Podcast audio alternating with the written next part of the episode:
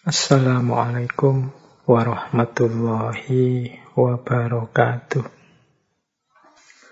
Bismillahirrahmanirrahim. Alhamdulillahi rabbil alamin. Wabihi nasta'inu ala umurid dunya waddin. Allahumma salli wa sallim wa barik ala habibina wa syafi'ina Sayyidina wa maulana Muhammadin wa ala alihi wa ashabihi wa man tabi'ahum bi ihsanin ila yaumiddin. Amma ba'du. Bismillah teman-teman, mari kita lanjutkan lagi ngaji filsafat kita Malam hari ini kita memulai sesi yang baru. Ini mohon maaf buat teman-teman semua yang mungkin banyak yang minta tema-tema, judul-judul yang perlu kita angkat di ngaji kita ini. Insya Allah nanti pada saatnya tema-tema yang diusulkan akan kita bahas. Ya, tergantung banyak hal juga. Semoga teman-teman tidak kecewa ya. Semoga pokoknya ditunggu aja sabar. Siapa tahu tema-tema yang diminta itu suatu ketika akhirnya kita bahas. Malam hari ini kita memulai sesi yang baru di bulan September. Ini bulan yang kalau di kampus-kampus itu biasanya dimulainya tahun ajaran yang baru. Kalau bulan ini berarti tahun ajaran barunya 2021-2022. Masih dalam suasana pandemi kuliah-kuliah sebagian besar saya tidak tahu apa semuanya model kuliahnya adalah daring atau jarak jauh dengan segala kelebihan dan kekurangannya. Ya memang situasinya masih belum memungkinkan kuliah seperti dulu yang lebih asik, lebih gayeng. Kalau jarak jauh seperti ini, seperti yang kita alami dua tahun belakangan ini kan kuliahnya agak banyak kendala, tergantung oleh hal-hal teknis Misalnya tergantung kuotanya, tergantung kekuatan sinyalnya, tergantung mungkin juga kekuatan daya tahan kita di depan laptop atau HP, sehingga tidak luas. Tapi seperti sering saya sampaikan, ada kaidah fikih itu, ma yudroku kulluhu, la yudroku kulluhu. Apa yang tidak bisa dipenuhi sepenuhnya, ya jangan ditinggal semuanya. Kalau bisa dipenuhi 50% ya kita penuhi 50%. Mencari ilmu itu kan memang salah satu kewajiban kita. Dia sifatnya eksistensial. Sehubungan dengan eksistensi kita di muka bumi. Kuncinya kan ilmu. Maka orang tidak boleh berhenti mencari ilmu dalam rangka meningkatkan kualitas hidupnya. Baik dunia maupun akhirat. Jadi meskipun ada kendala, pandemi, dan berbagai situasi keprihatinan kita hari ini, segala hal yang berhubungan dengan belajar dan nambah ilmu harus tetap lanjut. Termasuk ngaji filsafat kita ini. Ini kan salah satu momen kita belajar. Kunci utamanya ngaji kita memang keywordnya ya belajar bareng-bareng, belajar bersama hal-hal lainnya itu pendukung. Kalau bisa dipenuhi, kita penuhi. Kalau tidak, ya kita penuhi senyampainya.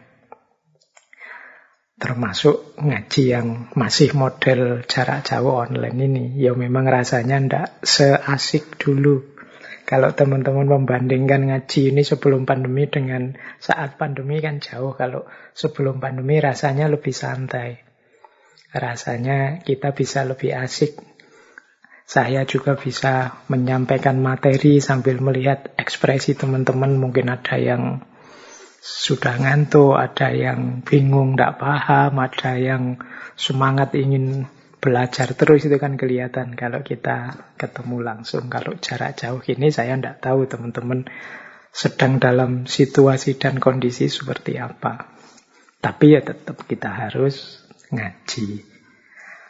Baik, uh, bulan ini memang sengaja saya ambil tema yang seperti anak-anak kampus tema-tema perkuliahan.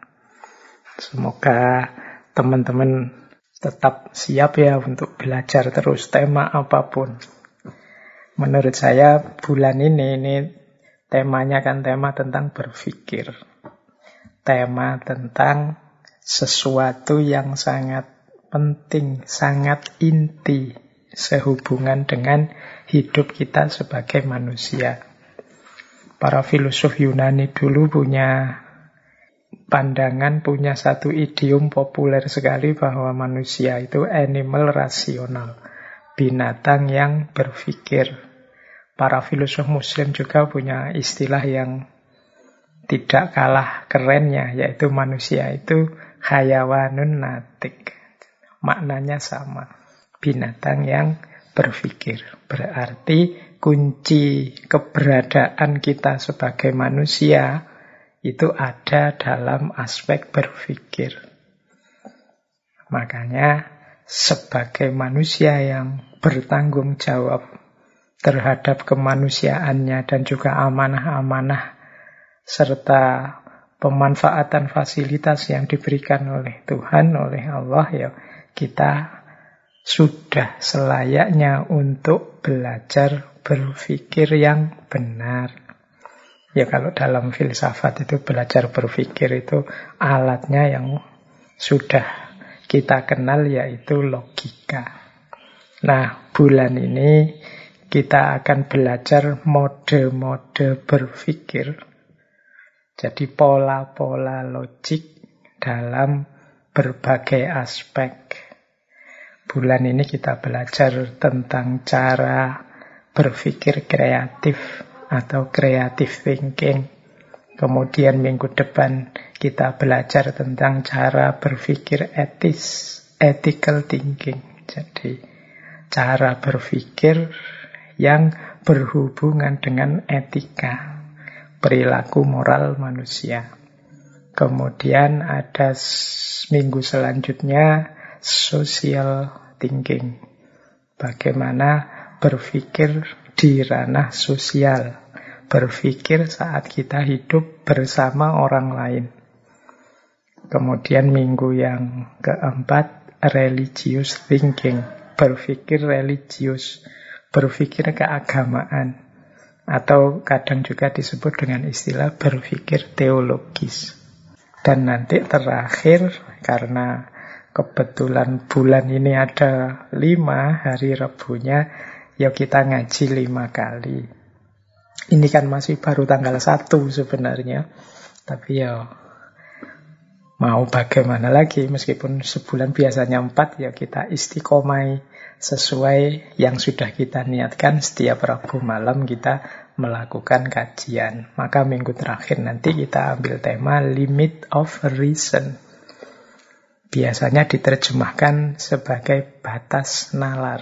Jadi di minggu terakhir ini kita akan belajar untuk tahu batas. Apa saja yang mungkin bisa kita pikirkan dan mana saja yang itu sudah mentoknya batasnya. Tidak mungkin kita bisa mencapainya. Ini juga perlu kearifan kita untuk memahami limit of reason ini. Biar kita tidak melakukan sesuatu yang sia-sia. Jadi itu uraian tema untuk bulan ini. Ya ini juga sebenarnya memenuhi satu dua permintaan, melanjutkan dulu. Dulu kan kita juga pernah mengambil satu tema tentang berpikir. Saya masih ingat itu ada tema tentang perdebatan, ada tema tentang dialog, dan ada tema tentang berpikir kritis. Nah, bulan ini sebenarnya lanjutan dari sesi tema bulan itu.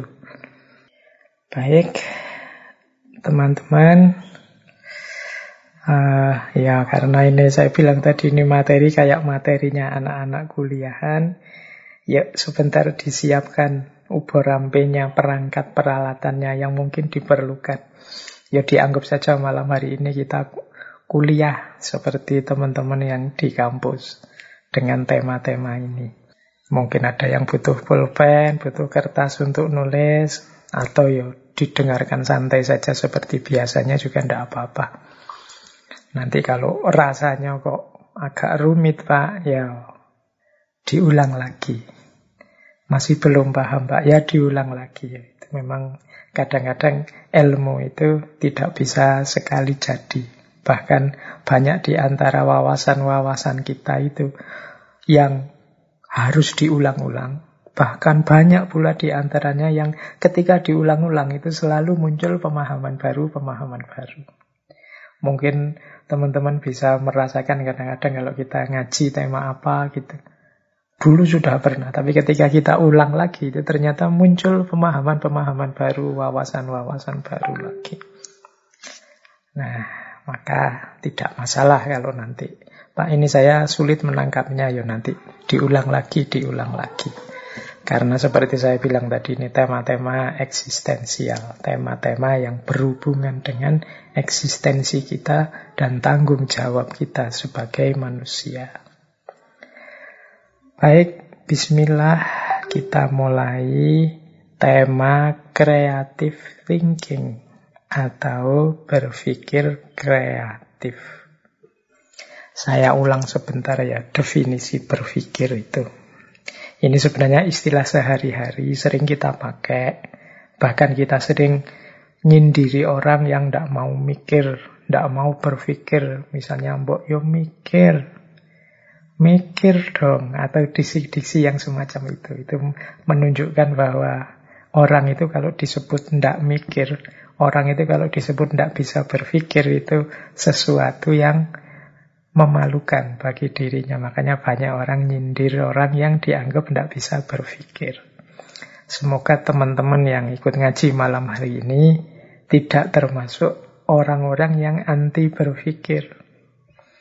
Tidak mau menggunakan akalnya. Berpandangan sangat negatif terhadap penggunaan akal budi. Karena seperti apa pun kita tidak mau menggunakan akal, sebenarnya secara alamiah kita pasti menggunakannya. Kalau kita sehat jasmani dan rohani. Tidak mungkin orang itu hidup tanpa akalnya. Bahkan di ranah apa pun, termasuk ranah agama. Dalam beragama pun kita juga dituntut untuk jernih sehat cara berpikirnya. Meskipun nanti tentu saja standar berpikir jernih dan berpikir sehat itu kadang-kadang beda-beda. Nah ini yang sering kemudian jadi perdebatan, sering jadi masalah. Tapi kita tidak ke situ dulu. Kita awali dulu pelan-pelan. Dari definisi berpikir. Apa sih berpikir itu? Berpikir itu adalah proses kognitif terorganisir bertujuan yang kita gunakan untuk memahami dunia kita. Nah, perhatikan tiga ciri tadi ya. Kognitif, terorganisir, bertujuan. Kognitif itu berarti ada proses-proses akal yang bekerja, rasio yang sedang aktif dan sadar. Jadi yang pertama dia proses akal, proses rasio, proses kognitif sadar yang memang sengaja kita jalankan, kita hidupkan. Kemudian yang kedua terorganisir. Terorganisir itu ada tertibnya, ada urutannya. Tadi saya melihat apa, kemudian saya pahami sebagai apa, kemudian saya simpulkan berarti apa. Nah, itu namanya kan terorganisir. Saya melihat orang yang dadanya sesak misalnya. Kemudian saya pahami mengapa kok dia dadanya sesak. Oh, dia punya sakit asma. Kemarin katanya baru kontak dengan orang yang positif COVID. Kemudian hari ini dia mengeluh dadanya sesak, demam, macam itu kan terus kita menyimpulkan oh mungkin dia tertular, oh mungkin dia terkena virus COVID. Nah, ini kan terorganisir. Jadi kalau dijelentrehkan bahasa Jawanya kalau dirangkai itu ada urutan-urutannya sebenarnya. Ketika kita menyimpulkan sesuatu secara sadar menggunakan akal kita, itu sebenarnya ada pola-polanya. Itu yang disebut terorganisir. Jadi ndak iseng, ndak asal, tidak sesuka-sukanya sendiri. Jadi ada, ada patternnya, ada polanya. Itulah namanya berpikir. Dan yang ketiga, bertujuan. Jadi ada maksudnya.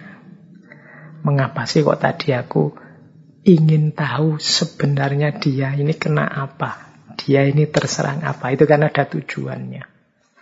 Jadi mungkin tujuannya sekedar untuk tahu sehingga bisa menentukan sikapku padanya atau tujuannya untuk bisa menjaga masyarakat sini biar tidak kena terkular juga dan macam-macam itu namanya tujuannya. Jadi berpikir itu kognitif, terorganisir, bertujuan. Nah, ini kalau definisi dari bukunya seperti itu. Atau teman-teman bingung dengan penjelasan ini, tidak usah dipahami atau dihafalkan definisinya, disadari saja proses berpikir yang terjadi dalam diri kita. Caranya misalnya ada orang punya tips seperti ini untuk mendeteksi kita ini berpikir apa enggak. Ada satu quotes yang bagus yang bunyinya begini, as you start asking question and seek answers, You are in fact thinking. Jadi begitu engkau bertanya dan mencari jawaban, saat itulah sebenarnya engkau sedang berpikir.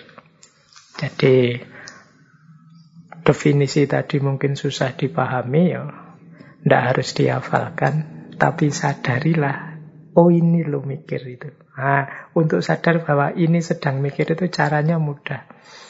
Yaitu ketika kita sedang menanyakan sesuatu atau mencari jawaban sesuatu, saat itu juga sebenarnya kita sedang berpikir.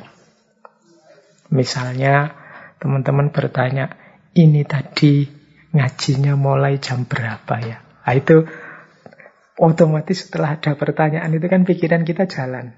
Oh, saya tadi juga tidak ikut mulainya, tapi biasanya ya kalau ngaji filsafat mulainya jam 8. Nah, ini jawabannya.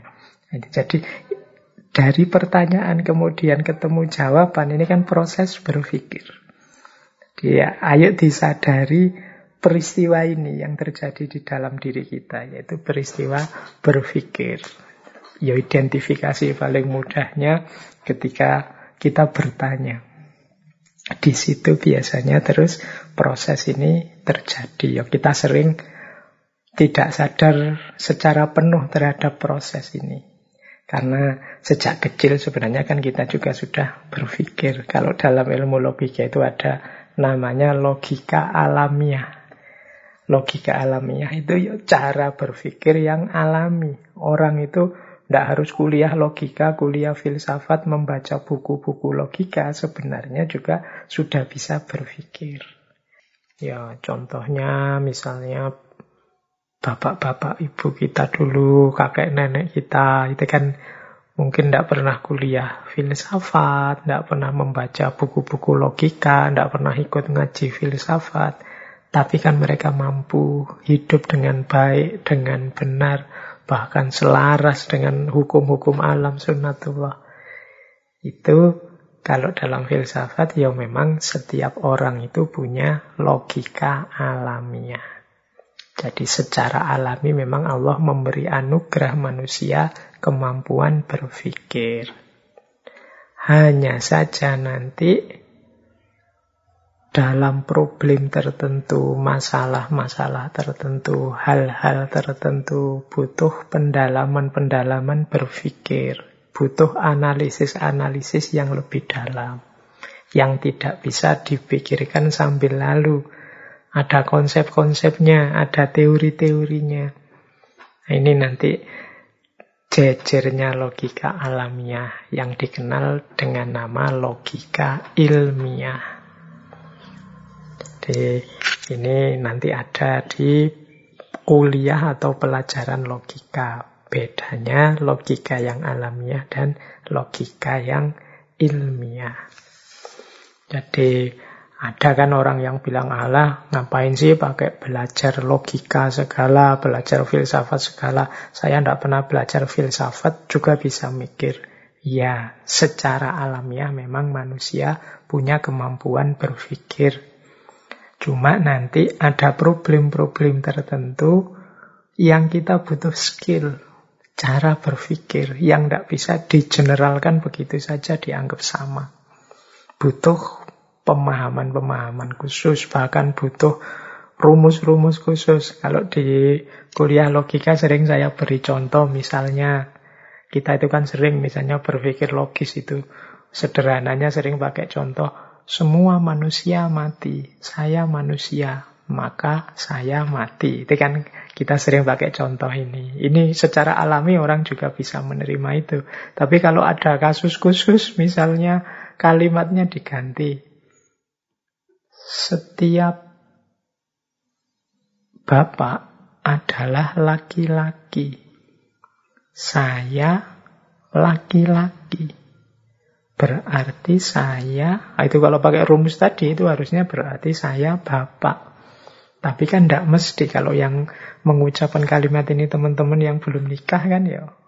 Jadinya tidak cocok, tidak pas. Nah ini salah satu contoh ya kita harus paham teorinya, paham rumusnya.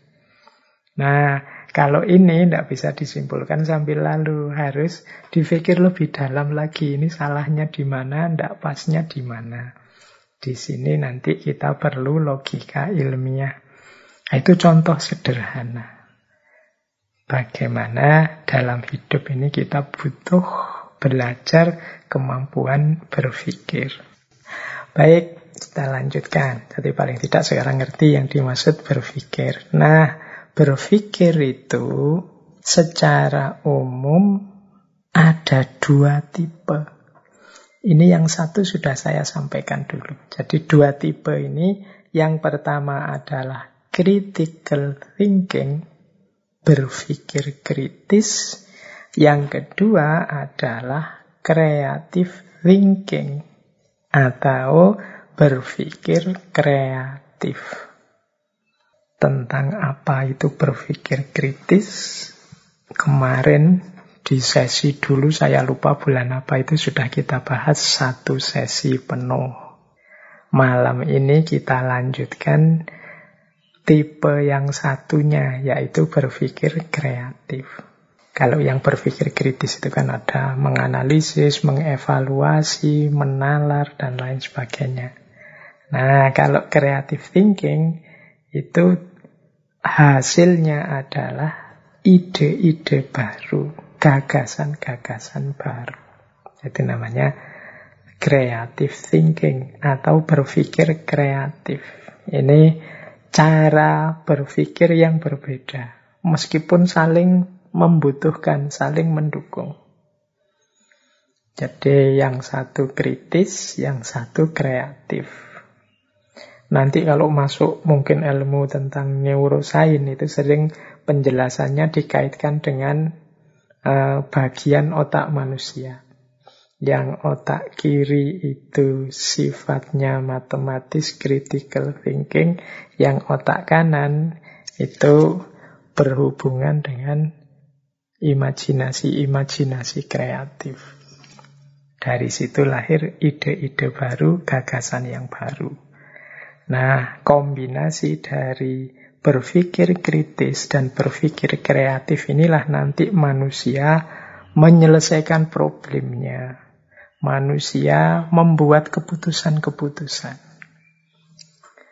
Kalau orang hanya kritis saja tapi tidak kreatif, ya bagus. Dia hidup dengan tepat, dengan benar, tapi hidupnya tidak berkembang. Ya macet di situ-situ saja, muter di situ saja. Tidak ada ide baru, tidak ada gagasan baru. Jadi kalau ada pertanyaan, Pak, Indonesia ini kok tidak maju-maju ya, Pak? Inovasi-inovasi sains, teknologi kok tidak berkembang? Kita ini kok hanya konsumen saja ya, Pak? Hanya mengkonsumsi produk-produknya orang, gagasan-gagasan, ide-idenya orang. Nah, itu mungkin salah satu jawabannya adalah banyak di antara kita yang kurang kemampuan berpikir kreatifnya. Yang kritis mungkin sudah banyak. Yang kritis itu kan kelihatan lah kalau teman-teman nonton podcast-podcast, medsos-medsos, orang diskusi, orang menganalisis ini, menganalisis itu. Itu kita banyak sekali ahlinya, komentator ini, komentator itu, itu di mana-mana ada. Mungkin kita yang agak kurang adalah para ahli yang kuat dalam hal berpikir kreatif menghasilkan ide-ide baru, gagasan-gagasan baru, tawaran-tawaran yang baru. Ya kalau tidak ada yang baru kan kita tidak berkembang, kita mandek di situ saja. Jadi kalau ingin progres, ingin maju, antara lain kita harus mengasah kemampuan berpikir kreatif kita. Nah, ya meskipun kemampuan berpikir kritisnya jangan ditinggal. Kreatif tanpa kritis nanti ngawur. Kritis tapi tidak kreatif ya jalan di tempat. Kita tidak berkembang, tidak maju-maju. Dua kutub ini penting. Oleh Allah difasilitasi dengan otak kiri dan otak kanan. Yang punya kapasitas yang berbeda, keahlian yang berbeda. Ini yang Berarti di antara bentuk syukur kita terhadap anugerah Allah itu, ya mari kita optimalkan dua-duanya. Critical thinking dan creative thinking. Ada yang mengilustrasikan dua kemampuan kritis dan kreatif ini seperti kalau kita naik apa kalau bahasa Jawa ini naik getek atau naik perahu kecil itu yang kita jalankan dengan dayung yang punya dua pedal, punya dua sisi. Sisi yang satu itu berpikir kritis, sisi yang satu berpikir kreatif. Ini dua-duanya harus hidup. Jangan hanya satu, kalau hidup hanya satu, ya perahumu, gedekmu tidak akan maju pesat, tidak akan cepat jalannya, mungkin malah terombang ambing. Dua-duanya harus imbang sehingga mengarahkannya jadi mudah. Nah, jadi ini berarti berpikir itu penting, eksistensial, dengan dua tipenya, yaitu critical thinking dan creative thinking. Ini harusnya saya mulai menjelaskan tentang critical thinking. Tapi critical thinking sudah kita jelaskan berarti malam hari ini kita tinggal menjelaskan yang creative thinking. Baik, kita lanjutkan. Oke, kita awali dari pembahasan tentang kreatif atau kreativitas. Dalam bahasa Indonesia kreativitas ini sering didefinisikan sebagai daya cipta. Daya cipta itu satu proses mental yang membuat lahirnya gagasan-gagasan baru atau pemecahan-pemecahan baru atau menemukan peluang-peluang baru, kemungkinan-kemungkinan yang baru. Ini kalau dalam bahasa Indonesia ini disebut daya cipta. Kemampuan mengkreasi, mengcreate. Meskipun yang dimaksud baru itu tidak harus sesuatu yang sama sekali sebelumnya belum ada. Bisa juga dalam bentuk kombinasi-kombinasi. Bisa dalam bentuk merangkai yang sudah ada, yang sebelumnya dikenal sehingga jadi sesuatu yang baru. Misalnya dulu orang kenalnya handphone itu sebagai alat komunikasi. Tapi kemudian gagasan tentang handphone ketemu dengan gagasan tentang kamera digabung jadilah smartphone misalnya. Hari ini kan smartphone itu ya handphone kita yang ada berbagai macam alat di situ. Tidak hanya kamera sebenarnya. Tapi ini sebenarnya menunjukkan sesuatu kreasi. Daya cipta yang luar biasa menggabungkan ide-ide yang ada sebelumnya. Jadi kamera kan orang sudah kenal sebelumnya. Handphone orang sudah kenal sebelumnya. Nah, nanti handphone yang ada kameranya itu sesuatu yang genuine. Nah ini namanya kreativitas. Peradaban manusia itu berkembang, maju, progres karena kuncinya adalah daya kreasi atau daya cipta atau kreativitas ini. Maka berpikir kreatif seperti saya bilang tadi nanti menjadi kuncinya kemajuan. Baik, saya lanjutkan. Nah, malam hari ini kita akan banyak belajar dari seorang tokoh yang dikenal sering dan banyak menulis tentang teknik berpikir, termasuk berpikir kreatif ini. Namanya adalah Edward de Bono. Teman-teman mungkin pernah membaca buku beliau ya, ada beberapa yang populer sekali, misalnya enam topi berpikir, berpikir lateral, dan lain sebagainya. Beliau ini dokter, psikolog, penulis, filosof yang berasal dari Malta. Nah, malam hari ini kita akan mengambil beberapa teori dan konsep dari beliau tentang berpikir, khususnya berpikir kreatif ini. Menurut Edward de Bono, kreativitas itu adalah sumber daya manusia yang paling penting.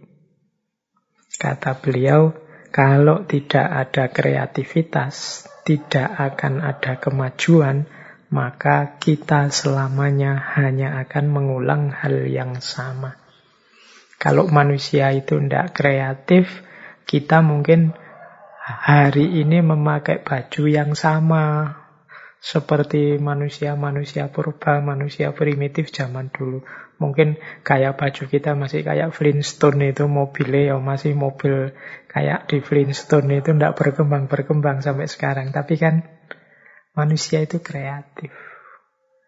Jadi selalu terjadi kemajuan dan perubahan. Kuncinya apa? Daya kreativitas. Maka malam hari ini mari kita latihan berpikir kreatif dalam rangka memenuhi amanat Allah untuk memajukan dan memakmurkan bumi. Nah kita lanjutkan lagi. Menurut Edward de Bono lagi, berpikir kreatif itu bukan bakat, tapi satu keterampilan yang dapat dipelajari. Ia memberdayakan manusia dengan menambah kuat kemampuan alaminya, produktivitasnya, dan keuntungan-keuntungan lainnya. Jadi ini penting ya, kita garis bawahi. Berpikir kreatif itu bukan bakat, tapi keterampilan yang dapat dipelajari. Berarti teman-teman tidak boleh alasan, Pak saya tidak bisa Pak kalau disuruh kreatif itu. Saya tidak bisa Pak kalau saya disuruh mencari solusi, menemukan ide-ide baru. Saya itu makomnya hanya follower Pak. Saya itu konsumen, bukan produsen. Termasuk dalam hal pikiran. Nah ini berarti kalau mengikuti pikiran Edward de Bono tadi, tidak begitu.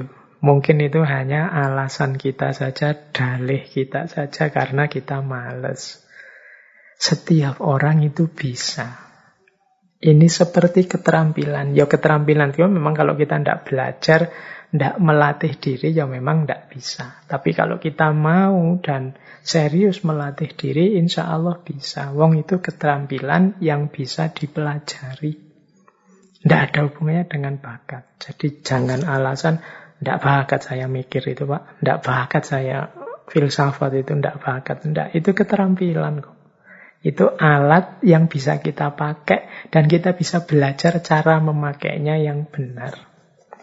Jadi keterampilan berpikir atau thinking skill. Ini penting karena sering saya dengar orang dengan dalih ini kemudian tidak mau belajar untuk cara berpikir yang benar, belajar logika atau belajar filsafat. Tidak, ini bukan bakat, tapi keterampilan. Berarti kuncinya ada kita mau atau tidak untuk berlatih dan belajar sampai kita menguasai keterampilan itu. Mungkin nanti ada yang tanya juga, tapi kan ndak ndak belajar juga ndak apa-apa toh Pak, ndak berlatih di situ ndak apa-apa toh Pak, kon ndak wajib, ndak ada dalilnya juga. Misalnya ada yang ngeyel begitu, iya, ayo itu hakmu sih mau belajar untuk terampil apa ndak, tapi jangan lupa Berpikir kreatif itu kunci kemajuan. Kunci kita sukses menjalankan berbagai kewajiban-kewajiban kemanusiaan dan juga kewajiban kehambaan.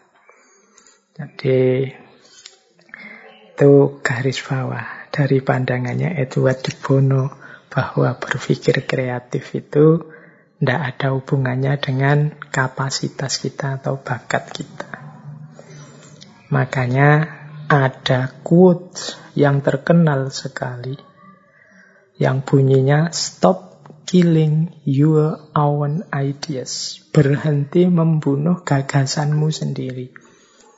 Bagaimana kok orang membunuh gagasannya sendiri dengan cara dia tidak mau berpikir. Coba dia mau berpikir, coba dia mau mengembangkan pemikirannya. Mungkin dari dirinya akan muncul ide-ide segar, gagasan-gagasan yang luar biasa, yang manfaat maslahatnya banyak. Jadi, stop killing your own ideas. Jadi, jangan membunuh dirimu sendiri secara intelektual. Nah, itu mungkin maknanya begitu. Membunuh diri secara intelektual itu dengan tidak mau mikir, atau punya pandangan biar yang pinter-pinter saja pak, yang lain saja yang mikir. Saya ndak nyampe pak, saya ndak ndak tuh untuk saya mikir sampai ke sana. Kan ada yang pendiriannya seperti itu. Nah, itu mirip seperti kritik dari quotes ini. Stop killing your own ideas. Jadi Mbok jangan bunuh diri intelektual. Ayo berjuang. Ya namanya berjuang ya tetap semampu kita. Jangan mau berhenti berpikir. Ada pandangan bahwa setiap orang itu sebenarnya kreatif. Tidak ada kok orang itu tidak kreatif.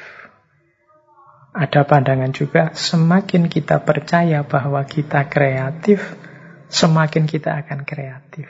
Mengapa kok ada orang yang merasa dirinya tidak kreatif? Pertama-tama karena dia sejak awal sudah tidak percaya bahwa dirinya kreatif. Allah itu menganugerahkan akal pada kita dengan jutaan, puluhan, mungkin ratusan juta potensi yang luar biasa. Hanya kita saja yang mungkin kurang aktif menggalinya. Terus kita minder, kita rendah diri, memposisikan diri, Pak saya level-level orang biasa awam saja Pak, tidak mungkin saya punya gagasan-gagasan otentik. Yuk akhirnya terus kita tenggelam. Menenggelamkan potensi kita sendiri. Teman-teman kan mungkin sering ngalami ya, misalnya ini loh dari orang yang tidak terduga-duga tiba-tiba muncul gagasan yang luar biasa. Ini orang ini hanya pedagang keliling, tapi begitu diajak ngobrol, keluar ceplosan yang mengagetkan, yang tidak kalah dibandingkan para filosof. Simbahku, nenekku ini hanya petani, tapi kalau menasehati kalah. Cicero, Seneca, Marcus Aurelius itu Mengapa bisa begitu? Ya memang karena setiap orang punya derajat level intelektual yang tinggi. Hanya saja mungkin banyak orang yang tidak sadar atau tidak percaya dengan kapasitas dan kemampuannya. Ada pandangan lagi kreativitas seseorang itu dari ekspresi otentiknya. Kalau teman-teman ingin kreatif, berhenti jadi follower saja, yang membebek saja, ikut saja gagasan orang, itu yang membuat kita selalu bingung, terombang-ambing ke kiri, ke kanan, ke selatan, ke utara. Ayo ekspresikan keinginan otentikmu. Ungkapkan apa yang engkau inginkan.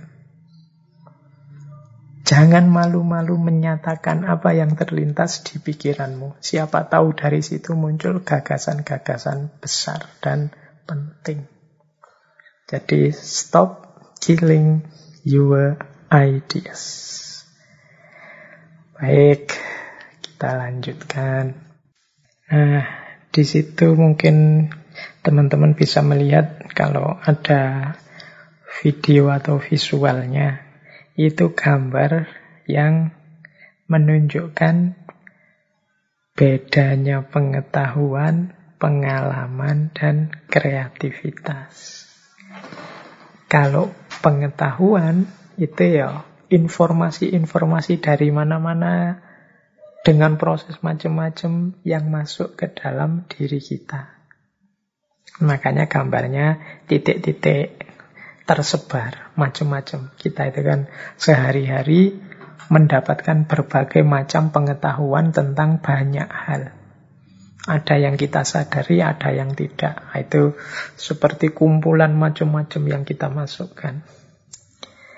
Nah, nanti pengetahuan-pengetahuan ini bisa jadi pengalaman, menjadi rujukan dari pengalaman.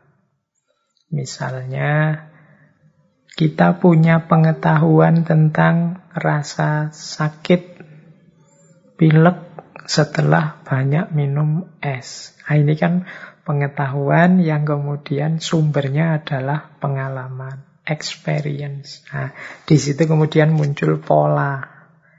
Ada garis-garisnya. Oh, setelah saya minum es, kemudian pilek, kalau sudah pilek, biasanya saya harus banyak minum, banyak tidur, istirahat. Setelah itu dua hari, terus pileknya mulai reda. Ini experience yang berhubungan dengan knowledge, pengetahuan. Jadi pola-pola yang kita alami sehari-hari, itu namanya kan experience. Yang itu didukung oleh pengetahuan kita. Ya yang kita sama sekali tidak memahami berarti tidak ada knowledge di situ ya kita tidak bisa menangkap pengetahuan itu. Ini apa sih? Apa sih itu? Belum paham ya. Dia tidak jadi experience. Experience itu ketika ada pengetahuan yang berjalin dengan yang kita alami. Nah, yang ketiga kreativitas. Kalau kreativitas gambarnya tidak rapi. Kreativitas itu mungkin pengetahuan apa atau pengalaman apa yang kita jadikan pijakan untuk melahirkan sesuatu yang baru yang mungkin sama sekali tidak ada hubungannya dengan experience dan knowledge tadi. Meskipun ada juga kemungkinannya masih ada hubungannya, tapi dia ini pola baru. Sama seperti handphone yang ada kameranya atau helm yang ada apa sekarang ada headsetnya atau bantal yang ada alat pijatnya macam-macam. Itu kan kreativitas kreativitas. Jadi pengalaman-pengalaman sebelumnya pengetahuan-pengetahuan sebelumnya yang dikembangkan untuk melahirkan sesuatu yang baru.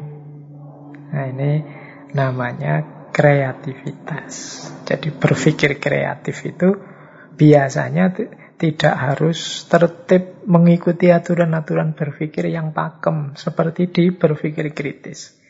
Jalannya bisa macam-macam, bisa dari mana-mana. Kadang-kadang agak ngawur-ngawur sedikit, eh kok ya terus pas, cocok, sesuai, bisa digunakan. Itu termasuk juga jenis kreatif.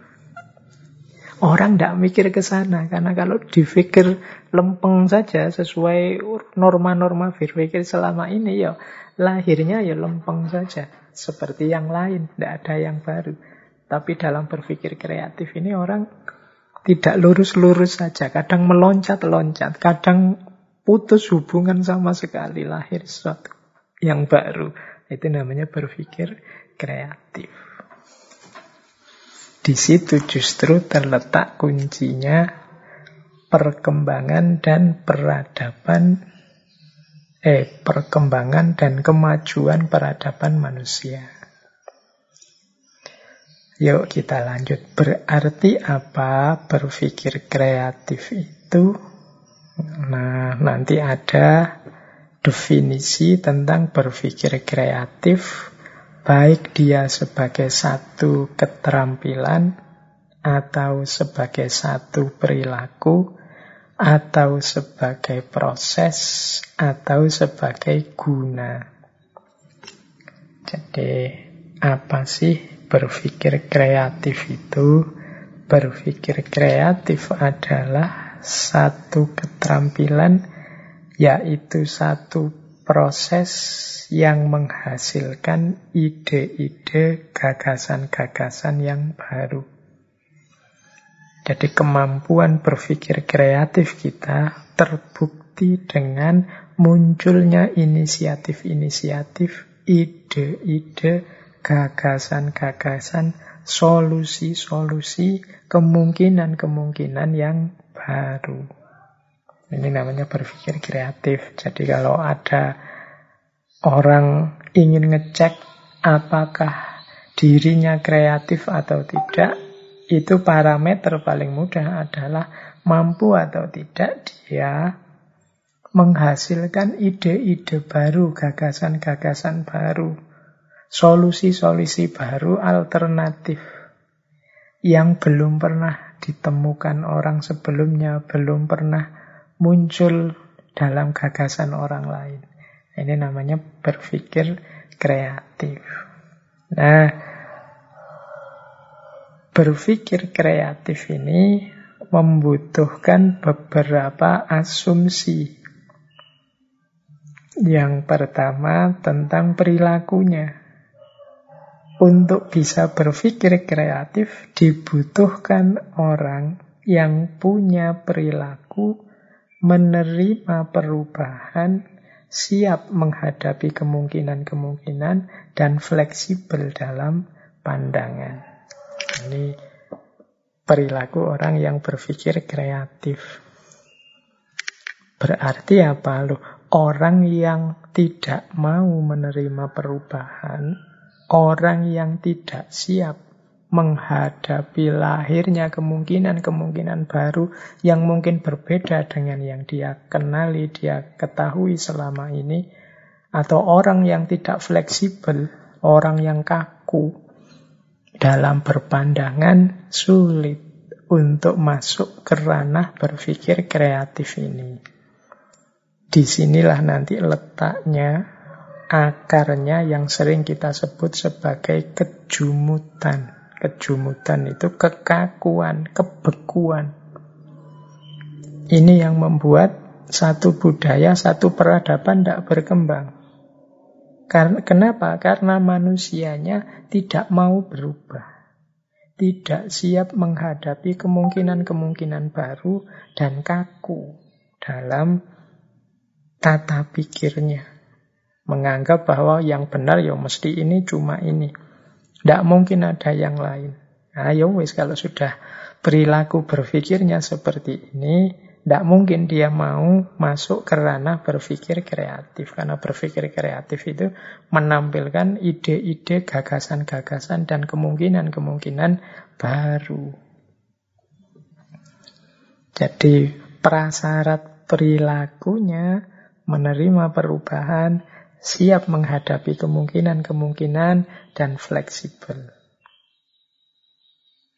Ini tugas kita untuk membentuk karakter kita seperti ini. Apalagi teman-teman yang masih muda-muda, yang dituntut untuk senantiasa banyak berkreasi, menghasilkan ide-ide baru, biar tidak hanya mengikut saja, biar tidak hanya jadi follower saja terhadap senior-senior, bapak ibu, nenek-neneknya dulu. Nah, itu yang perilaku ya. Kemudian ada prasyarat prosesnya.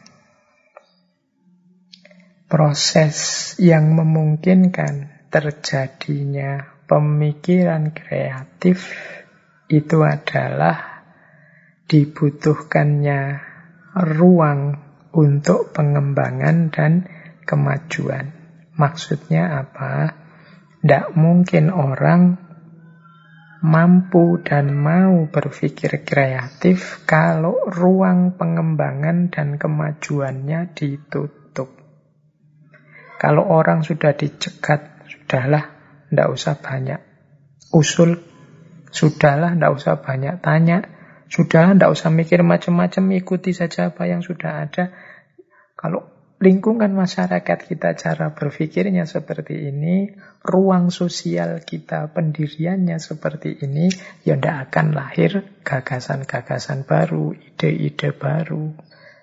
Berarti tidak mungkin terjadi kemajuan-kemajuan untuk terjadi kemajuan kan harus ada gagasan-gagasan baru, harus ada alternatif-alternatif solusi hidup yang baru yang berbeda dengan sebelumnya. Tapi kalau ruang ini sudah ditutup, ya tidak mungkin terjadi berpikir kreatif. Orang tidak boleh ngomong, orang tidak boleh usul, orang tidak boleh menyatakan ide gagasannya. Kalau menyatakan ide gagasannya yang berbeda dengan yang diyakini oleh mayoritas selama ini, dia terancam hidupnya, terancam kebebasannya, terancam kenyamanannya, dan lain sebagainya. Maka yo, tidak mungkin lahir pemikir-pemikir kreatif. Jadi itu prasyarat prosesnya. Dan yang keempat, aspek gunanya. Dari sisi guna, guna itu manfaatnya, berpikir kreatif itu membantu kita menemukan dan memecahkan masalah lebih cepat dan lebih mudah. Mengapa sih masalah itu terjadi? Masalah itu kan terjadi karena jawaban-jawaban lama yang semula diyakini sebagai solusi ternyata tidak menyelesaikan. Di situ kan muncul masalah. Berarti apa? Orang butuh jawaban-jawaban baru, alternatif-alternatif jawaban yang baru. Di sinilah kemudian penting kemampuan berpikir yang kreatif. Itu manfaat yang pertama. Manfaat yang kedua, berpikir kreatif itu memberi perspektif-perspektif, memberi banyak tawaran untuk dipilih, untuk membuka jalan lahirnya perubahan yang lebih baik. Kalau kita berpikir kreatif itu kan tiba-tiba muncul banyak alternatif jawaban bisa ini, bisa itu, bisa yang sana, bisa yang. Ada problem A, ini solusinya bisa ini, bisa itu, bisa yang sana, bisa yang sini. Itu kan orang banyak alternatif jawaban tinggal milih. Kalau saya milih ini, kelebihannya ini, kekurangannya ini. Kalau saya milih ini, kelebihannya ini, kekurangannya ini, dan seterusnya. Itu kan enaknya berpikir kreatif. Tapi kalau kita tidak punya kemampuan berpikir kreatif, ngertinya solusi hanya satu. Kalau ada masalah ini, dulu solusinya ini. Gimana ya caranya solusi ini bisa memecahkan masalah ini? Kita tidak memunculkan ide-ide baru, hanya macet bulat di situ. Akhirnya kita stres berlama-lama, bingung berlama-lama, akhirnya memaksakan ideal-ideal yang tidak masuk untuk menjawab persoalan-persoalan hari ini. Akhirnya ya masalah tidak selesai, kadang-kadang malah muncul masalah baru. Jadi itulah paling tidak aspek manfaat atau guna dari berpikir kreatif. Baik, kita lanjutkan. Nah, sekarang aspek metodenya. Ya macam-macam sebenarnya. Daya kreatif itu tidak bisa dipatenkan. Ini loh yang bisa disebut kreatif itu namanya saja kreatif, polanya macam-macam. Tapi ada pattern-pattern, pola-pola umum. Metode berpikir kreatif itu jenisnya bisa evolution. Evolution itu evolusi. Evolusi itu mudahnya kadang-kadang pakai bahasa ilmiah itu perubahan gradual. Continuity and change. Misalnya gagasan ilmuwan siapa, kita terima tapi kemudian kita lanjutkan. Nanti gagasan kita diterima orang, tapi dia melanjutkan versinya. Atau orang lain punya versi kebenarannya sendiri meskipun pijakannya gagasan kita. Terus begitu. Itu namanya evolution. Ada perkembangan-perkembangan. Kalau dalam dunia ilmiah sering disebut continuity and change. Melanjutkan tapi ada perubahan menyesuaikan dengan kondisi situasi orang yang menjalani langsung. Jadi itu namanya evolution, perubahan-perubahan ide karena ada perubahan dinamika dalam ruang dan waktu. Misalnya saya setuju Pak gagasan apalah sosialisme yang ini, tapi kalau untuk konteks Indonesia dia harus disesuaikan. Tidak cocok kalau langsung letterlek diterjemahkan di Indonesia. Yang penting kan nilai-nilai sosialnya masuk dan seterusnya. Itu namanya evolusi. Jadi ada perubahan-perubahan yang semakin lama semakin menyempurna sesuai dengan ruang dan waktunya. Jadi orang yang kaku tidak mungkin mau dengan model evolusi ini. Mungkin orang maunya pokoknya ini benar ya benar. Itu berarti tidak, tidak ada unsur kreatifnya. Yang kedua, sintesis. Kalau sintesis ini ya teman-teman mungkin sudah bisa menangkap maksudnya. Dari beberapa gagasan dikumpulkan sehingga lahir sesuatu yang baru. Biasanya orang menyebutnya sintesis itu gabungan dari tesis, antitesis, nanti lahirnya sintesis, yaitu kalau filsafat. Tapi sintesis itu mudahnya dari gagasan-gagasan yang beragam, yang sebenarnya saling berbeda, disatukan. Ya, sintesis itu persis kayak handphone berkamera tadi atau bantal sekaligus alat pijat atau gantungan kunci sekaligus flash disk. Oh, itu kan gabungan-gabungan ide, gabungan gagasan. Mungkin sekarang ada sisir yang sekaligus apa untuk meluruskan rambut dan lain sebagainya. Itu namanya sintesis. Nah, ini ya cobalah sekali-sekali teman-teman latihan berpikir evolutif atau sintesis ini misalnya gagasan apa digabung dengan gagasan apa misalnya. Kayak laptop ini kan gagasan buku dengan gagasan komputer. Kemudian berpadu lahirlah model laptop ini. Kita menyebutnya notebook. Kalau dulu notebook itu kertas, sekarang notebook itu digital modelnya.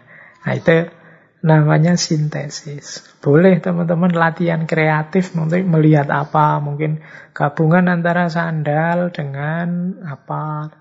Ya Sandal dengan sepatu jadi sepatu sandal. Nanti sepatu sandal digabung dengan kaos kaki. Nanti sepatu sandal yang sekaligus ada kaos kakinya kalau ditarik. Ada kan gagasan-gagasan evolutif sintesis. Itu juga jenis berpikir kreatif. Nah, kemudian ada pula model revolution. Revolution ini sama sekali berbeda dengan sebelumnya. Nah, ini gagasan-gagasan yang menawarkan sesuatu yang sama sekali baru. Nah, ini yang sebelumnya tidak dikenal. Nah, ini butuh keahlian lebih. Kita bisa melakukan revolution Ya dulu di awal-awal modern ada banyak istilah yang berkonotasi revolusi. Misalnya dari peradaban serba agama di abad tengah digeser ke peradaban serba positif manusia yang mengembangkan akal dan sains dan industrinya muncul revolusi ilmiah, muncul revolusi industri, muncul banyak revolusi. Revolusi itu berarti sesuatu yang baru yang sama sekali berbeda dengan sebelumnya. Kalau pakai solusi-solusi lama, ternyata masalahnya banyak. Ya sudahlah, buang saja solusi lama. Kita bikin yang baru. Itu juga butuh pemikiran kreatif. Jenisnya revolusi. Ada pula yang model reapplication. Reapplication itu meng apa? Reapplication itu menggunakan ulang. Maksudnya apa? Memperlakukan sesuatu dengan sudut pandang yang sama sekali baru. Tidak seperti sebelumnya. Jadi mungkin Dulu sesuatu itu dianggap tabu, tidak boleh, atau bermasalah secara sosial di masyarakat, sehingga harus dibuang. Tapi sekarang diambil lagi, dipakai, tapi dengan sudut pandang yang baru. Hmm, dengan pemahaman yang berbeda. Nah, kalau dipahami seperti ini, mungkin orang tidak protes lagi. Misalnya reapplication itu dulu orang memahami sepeda itu ya alat transportasi yang mengantarkan kita dari satu tempat ke tempat yang lain. Eh, tapi sekarang sepeda itu banyak yang memperlakukannya tidak hanya sebagai alat transportasi, tapi sarana kesehatan, alat olahraga, Bahkan ada namanya sepeda statis. Kita sepedahan sampai capek tapi tidak pindah ke mana-mana, tetap di rumah saja. Bentuknya ya persis sepeda. Itu namanya reapplication. Barangnya sama, tapi sudut pandangnya, cara kita memperlakukannya sama sekali baru. Misalnya apalagi? Uh, 21 atau apa loh? Sinema, bioskop. Mungkin dulu orang menyikapi bioskop, sinema itu ya ingin ngerti ceritanya. Tapi sekarang kan kalau sekedar ingin ngerti ceritanya kan ya bisa dari laptop, bisa online, bisa macam-macam. Nah, maka orang mungkin ke sinema, ke 21, ke bioskop-bioskop itu punya sudut pandang yang berbeda. Mungkin menikmati tiga dimensinya atau berdua mojok sama pacarnya bisa macam-macam. Itu contoh reapplication. Jadi sesuatunya lama tapi diperlakukan baru dengan perspektif kekinian hari ini. Yang kelima model-model kreatif itu yaitu changing direction. Changing direction ini adalah kalau diterjemahkan letter dia mengubah arahnya. Maksudnya changing direction itu adalah menggunakan satu ide atau satu gagasan yang semula tidak untuk itu, tapi sekarang kita pakai untuk itu. Ya wis mudahnya gini lah. Kalau teman-teman ini contoh gampang-gampang ya. Kadang-kadang teman-teman misalnya ikut acara apa lah, jagong manten atau acara yang satu gedung yang panas sekali, sumuk sekali. Kita merasa kepanasan di situ. Biasanya kan terus ada suguhan aqua itu. Karena saking panasnya terus kardusnya aqua itu kita sobek, kertasnya kita pakai untuk kipas-kipas. Loh, wong kardus itu kan tujuannya untuk bungkusnya aqua. Tapi sekarang kita pakai untuk kipas-kipas. Itu namanya changing direction mengubah tujuannya. Wong itu tujuannya untuk wadahnya aqua sekarang karena terpaksa karena sumuk kita sobek kardusnya, kemudian kertasnya kita pakai untuk kipas-kipas. Itu padahal fungsinya bukan kipas tapi ya karena sumuk Ya, dia sekarang kita fungsikan sebagai kipas. Ini juga salah satu jenis kreatif. Atau kita kadang-kadang di kelas untuk teman-teman mahasiswa itu kan kadang-kadang punggungnya gatel tapi kalau pakai tangan tangannya tidak nyampe untuk ngukur ini. Ah, akhirnya pulpen dipakai untuk alat untuk garuk-garuk. Itu kan definisinya pulpen itu alat tulis tapi karena kita butuh untuk menggaruk dari alat tulis sekarang dia jadi alat garuk. Itu namanya changing direction.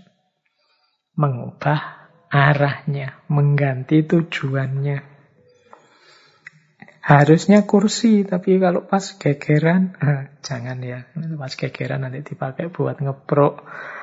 Itu, itu juga sebenarnya changing direction, termasuk juga kreatif berpikirnya, tapi untuk hal yang negatif. Jadi semoga bisa ditangkap maksudnya. Jadi itulah yang kelima, changing direction, termasuk juga jenis kritis berpikir. Nah, ada lagi sebenarnya satu metode dalam rangka berpikir kreatif untuk menemukan solusi-solusi baru, hal-hal yang baru, yang populer mungkin teman-teman juga sering mendengar namanya brainstorming. Brainstorming ini biasanya dilakukan dengan mengumpulkan sebanyak mungkin ide-ide, gagasan-gagasan yang mungkin tidak usah peduli ini cocok apa ndak, baik apa ndak, benar apa ndak, sesuai apa ndak, masuk akal apa ndak. Pokoknya kumpulkan saja ide sebanyak mungkin, sebanyak-banyaknya. Ini namanya brainstorming. Kemudian setelah itu baru diseleksi, baru dipilih-pilih mana yang cocok, mana yang paling sesuai, ya mana yang paling relevan. Yo, rumusnya brainstorming ini ini ada quotes bagus yang saya bawa. The best way to have good ideas is to have lot of ideas and then throw away the bad ones.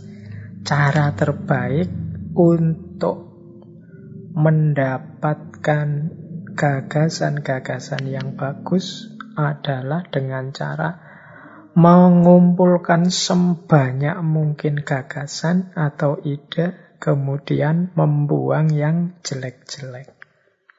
Nah, metode semacam ini namanya brainstorm.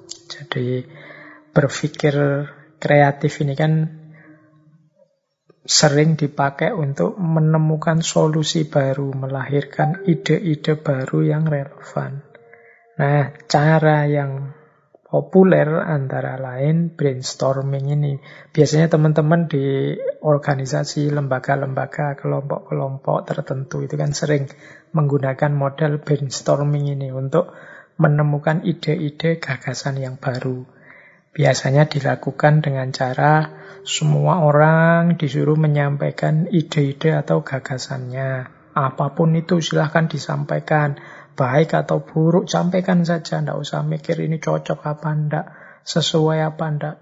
Kumpulkan saja semuanya. Kalau sudah terkumpul, baru dipilih sesuai dengan standar-standar yang kita inginkan. Sampai ketemu, oh dari sekian banyak ini yang paling cocok, yang paling relevan, ini. Nah itu yang diambil. Sisanya ya disisihkan ketemulah sesuatu yang baru, genuine, untuk mengatasi masalah, menjawab problem. Nah, itu namanya brainstorming. Terus kita lanjutkan ya. Kita kembali sebentar ke Edward de Bono tadi. Menurut beliau, salah satu teknik berpikir kreatif yang penting namanya lateral thinking. Ini istilah ini dipakai oleh Edward de Bono dalam bukunya The Use of Lateral Thinking. Ini kita pahami saja lateral thinking ini mudahnya seperti istilah yang sering kita pakai. Ini berpikir out of. Jadi berpikir tidak seperti biasa. Karena kalau dipikir seperti biasa ya tidak akan ketemu yang baru. Maka kita butuh lateral thinking. Cara problem solving yang tidak terduga. Tapi efektif. Itu lateral thinking. Mungkin teman-teman pernah dengar satu cerita. Ini disampaikan juga oleh Edward de Bono. Kisah ini, kisah kalau di kita populernya ya kisahnya Nabi Sulaiman. Kalau dalam bahasa Inggris dikenal sebagai Judgment of Solomon. Ini kisahnya Nabi Sulaiman. Jadi suatu ketika ada dua orang ibu yang pergi ke padang rumput. Masing-masing ibu ini membawa anak-anak bayinya untuk mengurusi ladang biasanya. Nah, ya karena sedang mengurusi ladang, dua ibu ini meletakkan anak-anaknya di atas batu di dekat ladang terus mereka berdua bekerja. Nah ternyata dua bayi ini saat ditinggal tiba-tiba muncul seekor serigala yang menerkam salah satu bayi. Sehingga bayinya tinggal satu, yang satu hilang, tewas dimakan serigala. Nah, ya sebenarnya kan Biasanya ibu itu kan mengenali anak-anaknya. Tapi ibu yang kehilangan anak ini merasa mungkin karena kesedihannya atau karena gelisah khawatir dimarahi suaminya, dia bersikukuh bahwa bayi yang ada itu anaknya.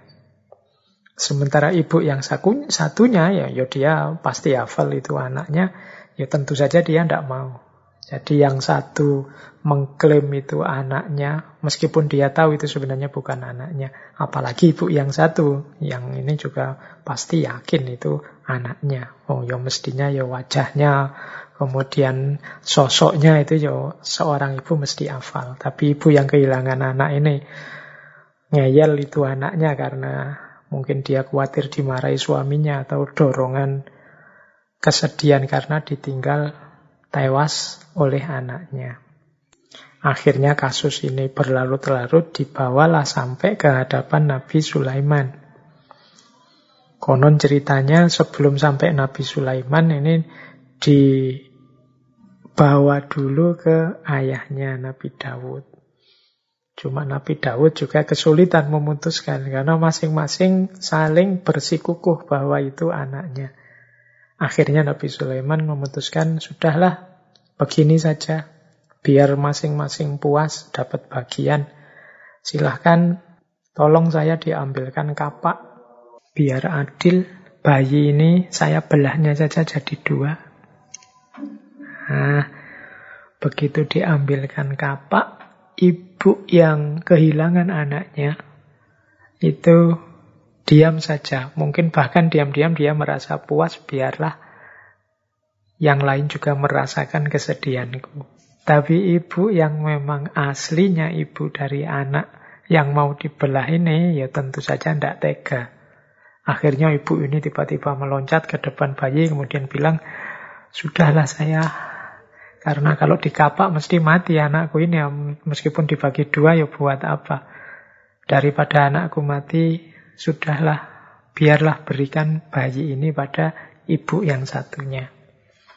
Nah, melihat respon yang berbeda ini akhirnya Nabi Sulaiman memutuskan, oh berarti anak ini memang anaknya ibu yang tidak tega bayinya terbunuh. Tidak mungkin seorang ibu tega bayinya sendiri dibunuh. Nah ini kan cara pemecahan masalah seperti ini, ini kan tidak biasa. Jarang orang bisa berpikir sampai ke sana. Punya ide sampai sejauh itu. Nah ini yang ilustrasi dari bukunya De Bono juga, Judgment of Solomon. Ini salah satu contoh namanya lateral thinking. Cara berpikir lateral. Cirinya apa sih lateral thinking itu? Yang pertama, kreatif and indirect. Jadi kreatif pasti sesuatu yang baru yang sebelumnya belum ada dan tidak langsung, tidak linier, kadang meloncat-loncat, kadang tidak terduga. Jadi itu ciri pertama Ciri kedua generatif. Generatif itu biasanya lahir memang memunculkan sesuatu yang baru. Ciri yang ketiga provokatif. Mendorong meng, apa, membuat lahir banyak sekali ide-ide baru yang mungkin beberapa di antaranya kok ya mustahil ya, kok ya tidak masuk akal ya, kok tidak terduga ya, dan lain sebagainya. Itu ciri ketiga katanya Debono. Ciri yang keempat ada lompatan ide. Ya karena tadi kok tiba-tiba ke situ kesimpulannya, kok tiba-tiba muncul ide ini. Itu biasanya tidak runtut tapi ada meloncat-loncat. Jadi tiba-tiba disimpulkan itu, tiba-tiba ngomongnya begitu. Nah, itu ada lompatan ide. Ini ciri lateral thinking. Nanti Debono mengilustrasikan kalau teman-teman sulit memahami lateral thinking ini, coba perhatikan cara berpikirnya para komedian. Orang yang pintar humor. Humor itu kan kebanyakan lucu karena komediannya pintar mengolah lateral thinking ini. Jadi berpikir yang mengagetkan. Orang tidak menyangka, tiba-tiba kok kesimpulannya ke sana. Kok cara berpikirnya tiba-tiba meloncat ke situ. Itu itu yang membuat kita kemudian tertawa. Tapi kadang-kadang juga muncul gagasan baru. Oh iya ya ternyata bisa juga disambungkan ke sana. Nah ini namanya lateral thinking. Berpikir yang kreatif. Yang tidak hanya mengikuti pakem-pakem yang selama ini berjalan. Jadi ini istilah dari Edward de Bono untuk menjelaskan yang malam hari ini kita pelajari sebagai berpikir yang kreatif. Yang ini disebut lateral thinking yang kita sering pakai istilah berpikir yang out of the box. Meskipun kadang-kadang sumbernya tidak jelas kok muncul ide itu ya, kok tiba-tiba gagasan itu lahir. Kadang-kadang muncul tiba-tiba begitu saja atau melalui loncatan-loncatan berpikir. Bahkan ada yang menganggap kadang-kadang lateral thinking ini tidak ilmiah. Sehingga disebut pseudoscience. Jadi dia tidak mengikuti kaedah-kaedah berpikir ilmiah yang resmi, yang pakem. Sehingga kadang-kadang orang kalau ditanya, dari mana tadi kok muncul gagasan begitu? Yang punya gagasan mungkin juga sulit menjelaskannya. Ya yang penting coba dicek saja apakah gagasan ini relevan, kemudian sesuai, cocok, manfaat, fungsional untuk menyelesaikan problem yang dihadapi atau tidak. Karena kadang-kadang banyak problem itu yang kalau kita hanya berpikir standar saja, lurus saja seperti biasanya, tidak ketemu solusinya. Baik, kita lanjutkan ya. Ya, waktunya semakin menyempit. Nah, ada beberapa strategi. Nah, ini semacam tips ya. Ini untuk teman-teman yang ingin meningkatkan kemampuan berpikir kreatif atau berpikir lateral tadi. Ini kita kalau ingin latihan, saya bilang tadi ini kan sejenis keterampilan. Nah, ini tips-tips untuk meningkatkan keterampilan berpikir kita. Yang pertama adalah ayo senantiasa mengikuti perkembangan isu, ide, informasi terbaru. Jadi ini yang pertama. Kalau ini sebenarnya untuk berpikir kritis juga begitu. Kita harus selalu nambah wawasan, nambah data, nambah informasi. Jangan mandek, Jangan merasa sudah tahu, jangan merasa sudah ngerti apa pun, terus belajar. Ini pertama, karena semakin banyak kita nambah wawasan, semakin punya kapasitas kita untuk kreatif. Karena di antara kreatif tadi kan menggabung-gabungkan, melanjutkan, mengkombinasikan. Ini kan butuh banyak informasi, banyak data. Kalau kita miskin data, miskin wawasan, miskin informasi, ya semakin sempit kemungkinan kita untuk kreatif. Kemudian Yang kedua, jeli dan teliti.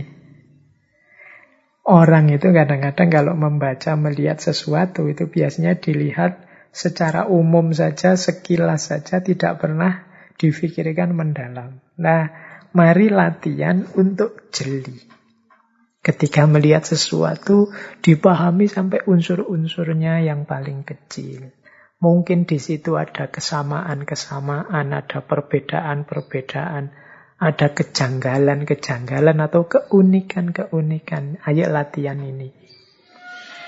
Jadi biar informasi kita tentang sesuatu lebih lengkap. Nah ini nanti kemampuan berpikir lateral kita bisa lebih bagus. Misalnya memahami apa, orang biasanya hanya melihat aspek ininya, tapi kita bisa masuk dengan melihat aspek-aspek lainnya yang tidak dilihat oleh orang lain. Nah ini teknik kedua. Jadi jeli dalam memahami, mengobservasi sesuatu. Kemudian yang ketiga, berani dan percaya diri.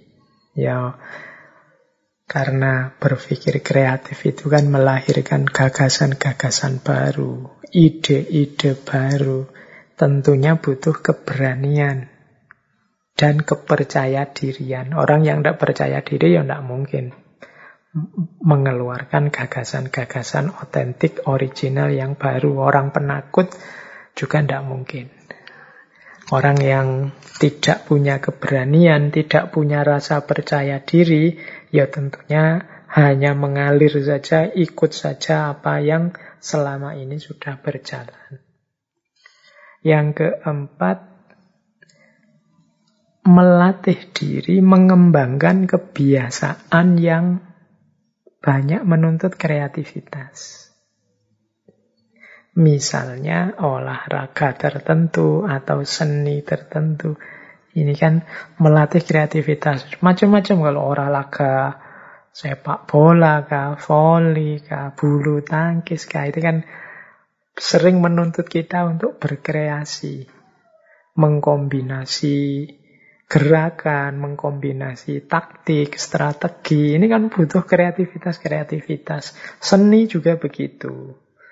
Seni rupa, seni suara, seni musik, seni drama, apa pun itu kan butuh kreativitas yang tinggi.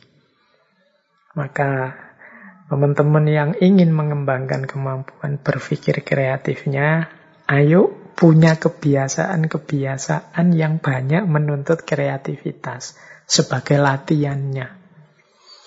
Olahraga apa, biasanya ya setiap olahraga ada sisi-sisi kreatifnya. Bahkan catur sekalipun itu justru malah banyak butuh kita kreatif, strategi, cara menyerang, cara bertahan, dan lain sebagainya. Apalagi seni. Nah, semakin terlatih diri kita untuk berkreasi, ya paling tidak semakin percaya diri, semakin berani, dan saat kita aktif berpikir kreatif, diri kita sudah terbiasa. Yang selanjutnya, tentu saja untuk meningkatkan kemampuan berpikir kreatif kita, ya kita harus paham secara dalam tentang diri kita. Kita ini kelemahannya apa, kekurangannya apa, ketakutan-ketakutan kita apa, harapan-harapan kita apa. Ini mendukung kemampuan kreatif kita. Yo, apa saja sebenarnya membutuhkan pemahaman tentang diri sendiri, tidak hanya berpikir kreatif, berpikir kritis juga begitu, perilaku hidup sehari-hari juga begitu. Dalam hampir semua bidang, pemahaman diri ini nanti menjadi kunci. Kemudian yang keenam, strategi untuk meningkatkan kemampuan berpikir, antara lain kita harus terbuka. Mau belajar tentang hal lain atau disiplin yang lain. Kalau kita menutup diri, tidak terbuka, ya berarti kita tidak bisa dimasuki oleh informasi baru, data baru, perkembangan terbaru, ya tidak mungkin kita bisa melakukan kreativitas. Kemudian yang ketujuh, tidak kaku, mau menerima ide-ide baru. Ini lanjutannya terbuka tadi. Setelah kita terbuka kan ada data baru, fakta baru yang masuk. Banyak orang yang tidak siap, sehingga tidak mau ketika menemukan, mendapati data-data atau fakta yang baru. Ya tentu saja kalau dia tidak mau dimasuki data, fakta, argumen, wawasan yang baru, ya tidak mungkin akan lahir kreativitas-kreativitas yang baru.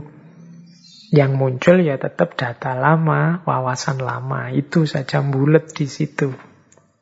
Dan yang terakhir, untuk berpikir kreatif, lateral, kita harus berani bertanya dan mempertanyakan. Jadi ini nama lainnya kita juga sebelumnya punya kualitas kritis untuk menemukan masalah di mana, kemudian akar masalah, sumber masalah, dan dilanjutkan dengan kemampuan-kemampuan solusinya. Jadi ini strategi-strategi yang bisa kita lakukan untuk meningkatkan kemampuan berpikir kritis lateral. Baik, kita lanjutkan. Ini waktunya mungkin kurang lebih 30 menit lagi. Nah, ada satu teori yang populer sekali, terkenal sekali dari Edward de Bono berhubungan dengan berpikir ini ini menurut saya penting. Jadi unsur-unsur berpikir, aspek-aspek berpikir, ya dalam konteks berpikir kreatif.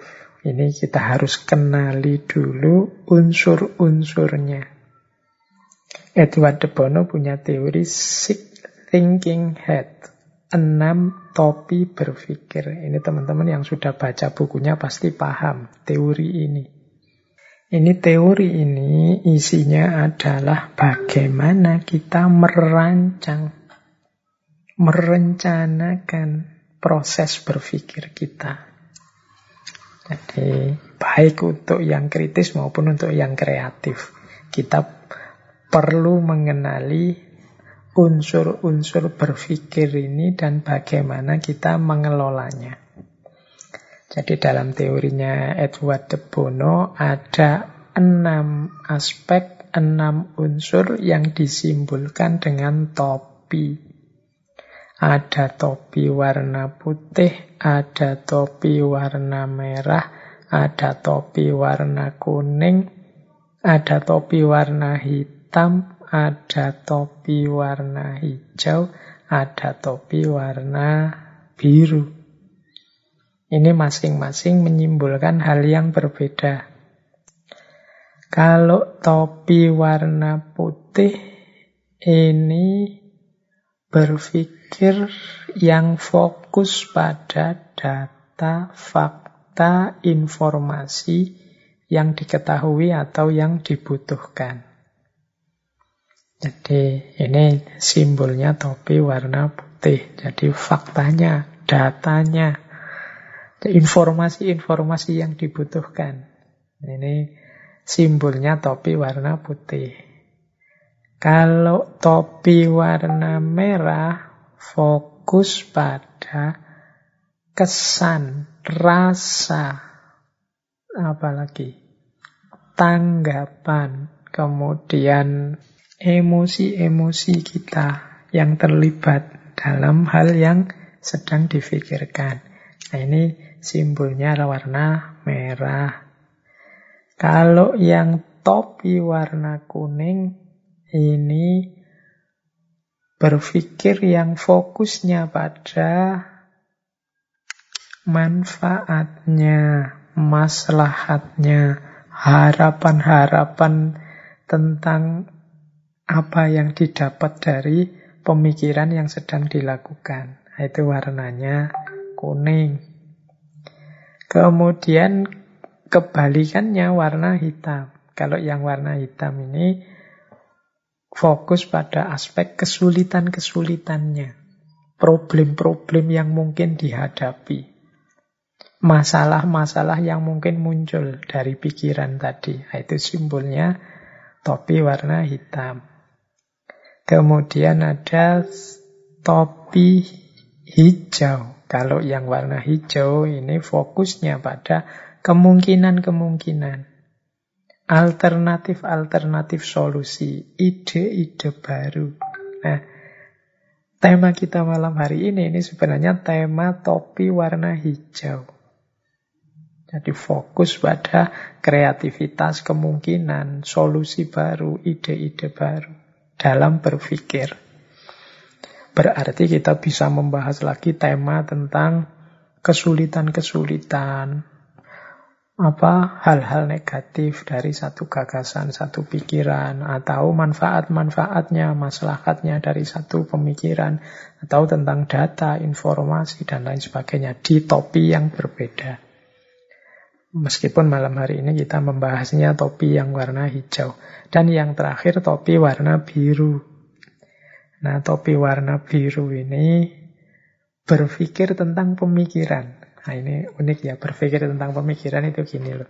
Topi warna biru ini yang dibahas, apa sih yang saya pikirkan ini, tujuannya ke mana, cara berpikirnya bagaimana, tahapan-tahapan berpikir yang harus saya lakukan seperti apa.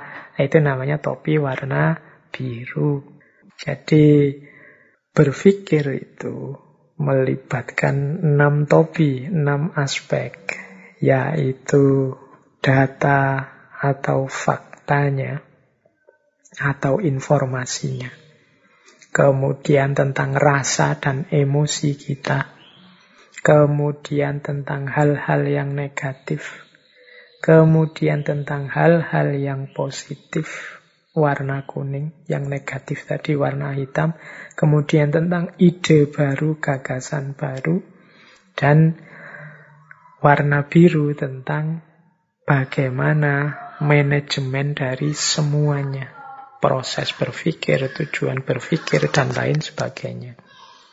Nah, jadi enam topi ini kemudian diteorikan urutan-urutan idealnya. Kalau kita kan secara umum ya sering kali tidak sadar unsur-unsur ini, pokoknya mikir ya jalan saja.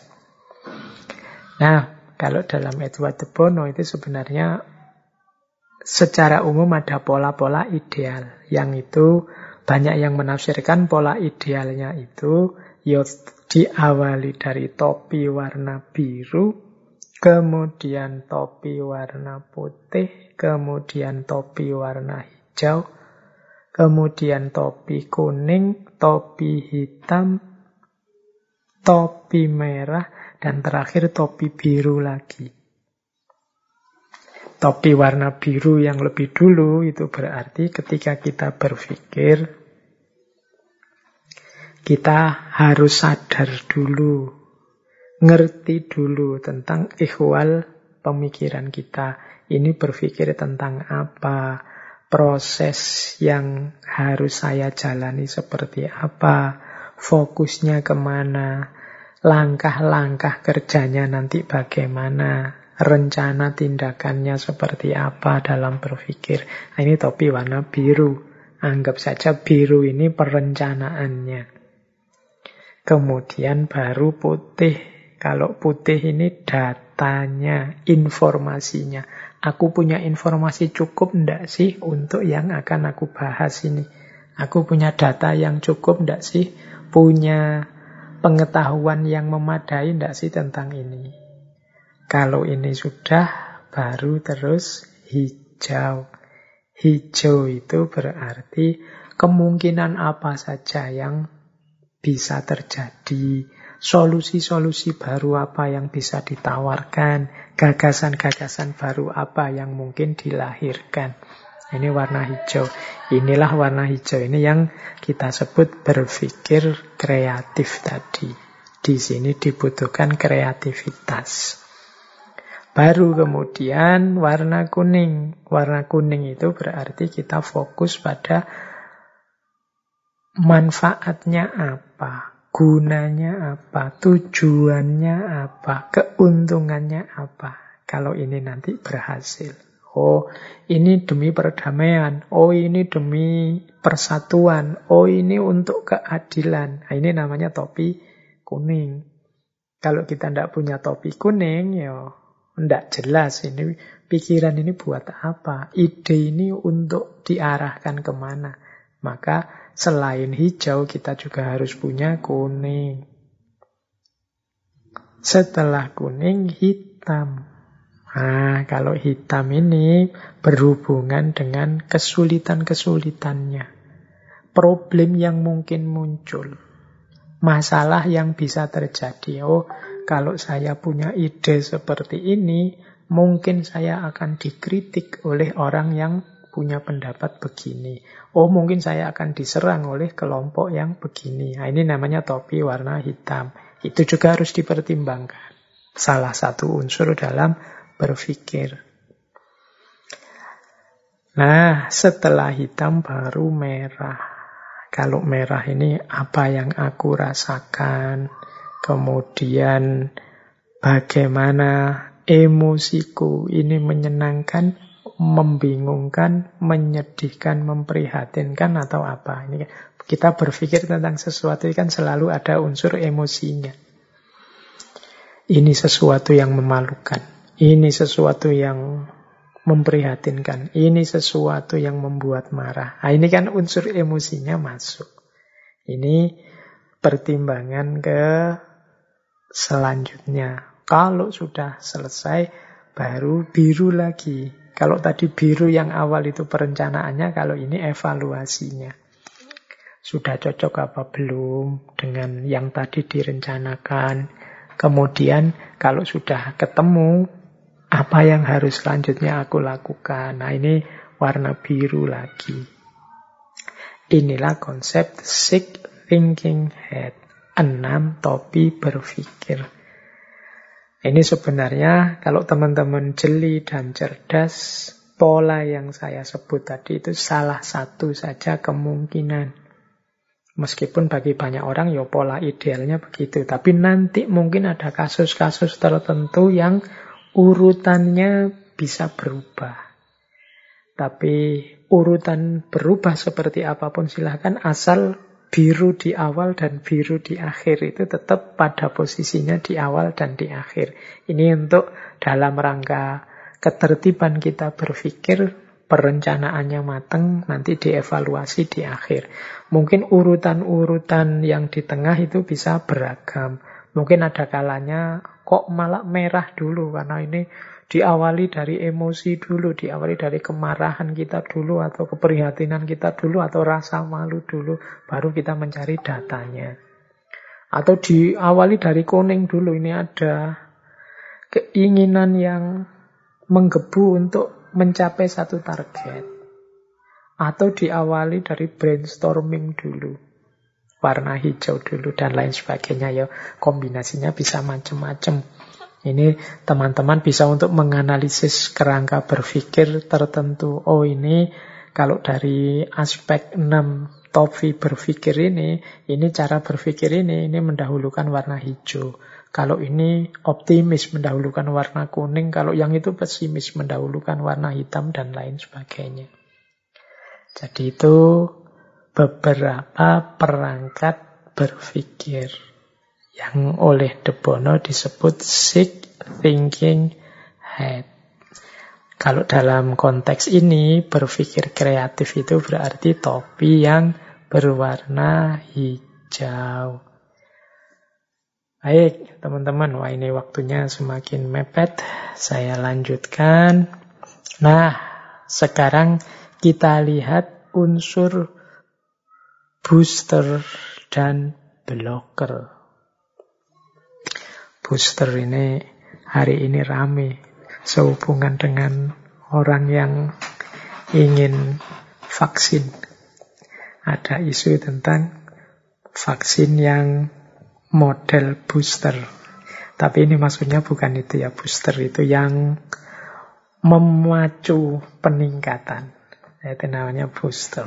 Nah, apa yang memicu, memacu kemampuan berpikir kreatif kita semakin tinggi, biar kita tambah kreatif. Nah, ini ada beberapa mentalitas yang penting kita biasakan.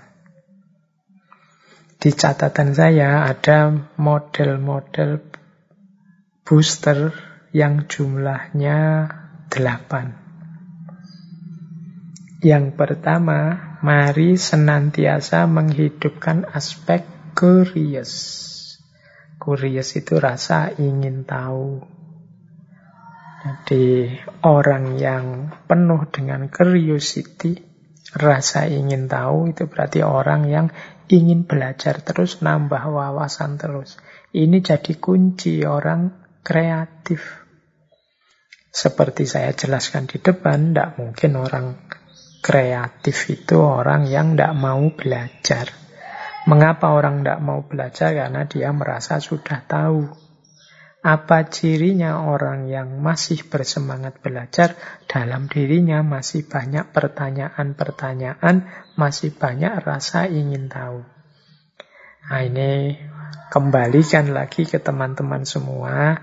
Ayo coba ditanya dirinya ada ndak banyak pertanyaan yang belum terjawab yang ingin kita kejar jawabannya? Kalau tidak ada, mari diadakan. Karena itu cirinya kita masih akan berkembang lagi atau mandek. Ya dalam segala hal, segala aspek hidup kita. Semoga curiosity ini masih hidup. Ini sering saya ilustrasikan, manusia itu sebenarnya punya watak ingin tahu yang tinggi. Buktinya apa? Anak-anak kecil itu begitu akalnya jalan, kemampuan bicaranya hidup, itu kan biasanya cerewet. Tanya ini, tanya itu, tanya macam-macam. Ini namanya curiosity, rasa ingin tahu. Meskipun kadang-kadang rasa ingin tahu ini kemudian dimatikan, di-off-kan oleh lingkungannya, Mungkin oleh orang tuanya, mungkin oleh tetangganya, mungkin oleh gurunya. Karena capek, bosen dengerin pertanyaan-pertanyaan yang bagi orang dewasa mungkin tidak penting. Tapi jangan sampai semoga respon kita itu mematikan semangat ingin tahunya. Karena itu nanti jadi kunci semangat belajarnya di masa depan. Jadi yang pertama itu. Yang kedua, six problems. Ini kalau diterjemahkan letterek tidak enak dalam bahasa Indonesia. Mencari masalah. Kalau dalam bahasa Indonesia kan mencari masalah itu sesuatu yang negatif. Yo, sebenarnya tidak negatif. Yang negatif itu kan mencari konflik, mencari pertengkaran, menyerang orang lain. Mencari masalah itu maksudnya apa? Tadi jeli dan teliti sehingga tahu kalau ada sisi-sisi atau sudut-sudut yang tidak pada tempatnya. Atau mungkin tidak kelihatan tapi dia bisa mengembangkan sehingga tahu potensi masalah. Ini namanya orang kreatif. Misalnya orang punya gagasan A misalnya. Nah orang yang punya pemikiran kreatif itu dia bisa menjangkau, oh gagasan ini kalau diutarakan hari ini itu akan memunculkan respon seperti ini, respon seperti itu. Kalau dari kelompok ini akan muncul respon ini, respon itu. Nah, itu kepandaian dia menjangkau untuk menemukan masalah-masalah. Itu yang kedua, booster yang kedua. Yang ketiga, suka tantangan. Jadi kalau kita ingin jadi orang yang berpikir kreatif, maka kita harus punya mental suka tantangan. Enjoys challenge. Jadi kan banyak orang kalau ada tantangan minggir. Kalau ada masalah kemudian dia takut menghadapinya atau males menghadapinya akhirnya minggir. Tapi orang orang kreatif ini dia enjoy, bisa menikmati kalau ada tantangan. Begitu ada masalah, bagi dia membacanya itu adalah tantangan. Kalau tantangan berarti harus ditaklukkan. terpacu kemampuan untuk berpikir kreatif dan kritisnya. Yang keempat, pribadi yang mungkin berkembang dalam berpikir kritis itu pribadi yang optimistik. Jadi pribadi yang hidupnya serba optimis. Dia yakin bahwa dia mampu. Dia yakin bisa menyelesaikan masalah, bisa menemukan solusi, bisa menjawab permasalahan. Ini optimistik. Ya tentunya kalau sudah pesimis ya dia tidak mampu lagi dan mungkin tidak mau menjawab tantangan tadi. Tapi karena dia optimis, dia yakin bisa menjawab persoalan. Maka mari menghidupkan jiwa yang positif, optimis dalam diri kita. Kemudian yang kelima, able to suspend judgment. Mampu menunda vonis, menunda kesimpulan. Ini nama lainnya sabar dulu. Diikuti prosesnya. Jangan kesusu disimpulkan. Mungkin masih banyak alternatif-alternatif jawaban yang lain. Mungkin masih banyak kemungkinan-kemungkinan solusi yang lain. Itu namanya able to suspend judgment. Jadi mau dan mampu menunda penilaian, menunda kesimpulan, menunda vonis. Jadi sebelum dibaca secara komprehensif, sebelum dijelajahi kemungkinan-kemungkinan yang bisa jadi solusi. Jadi orang yang tidak sabaran kesusu ingin tahu jawabannya, itu biasanya ya ketemu jawabannya, tapi bukan jawaban yang versi terbaik.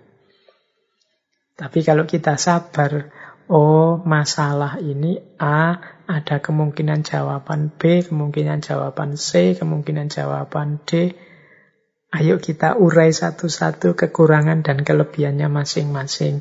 Nanti pada akhirnya kita pilih yang terbaik. Ini kan lama memang. Kalau orang yang tidak sabaran kesuwen, terlalu lama, pokoknya alah masalahnya apa, solusinya ini kan selesai. Mungkin pas yang dipilih, tapi mungkin kemungkinan juga tidak pas. Tapi kalau kita sabar mengikuti proses-proses, ya kemungkinan besar kita akan menemukan versi terbaiknya. Makanya perlu able to suspend judgment. Selanjutnya butuh juga karakter imajinatif. Imajinatif itu bukan kok berkhayal yang melamun, yang berpikir yang tidak-tidak imajinatif itu kemampuan kita berimajinasi, kemampuan kita menggunakan akal kita untuk berkreasi melahirkan hal-hal yang baru.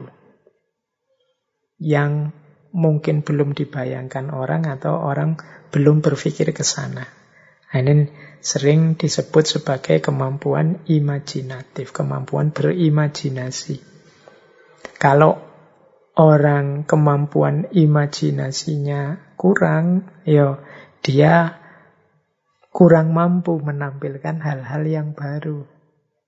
Dia ngertinya hanya yang sudah ada yang lama. Tapi kalau kemampuan berimajinasinya tinggi, ya seperti tadi, membayangkan kombinasi antara barang A dengan barang B, lahir sesuatu yang baru, mengkombinasikan antara gagasan A dengan gagasan B secara sintesis yang semula tidak mungkin tapi sekarang jadi mungkin. Mengevolusi gagasan dari pijakan teori lama dikembangkan jadi teori yang baru. Ini butuh kemampuan-kemampuan imajinatif.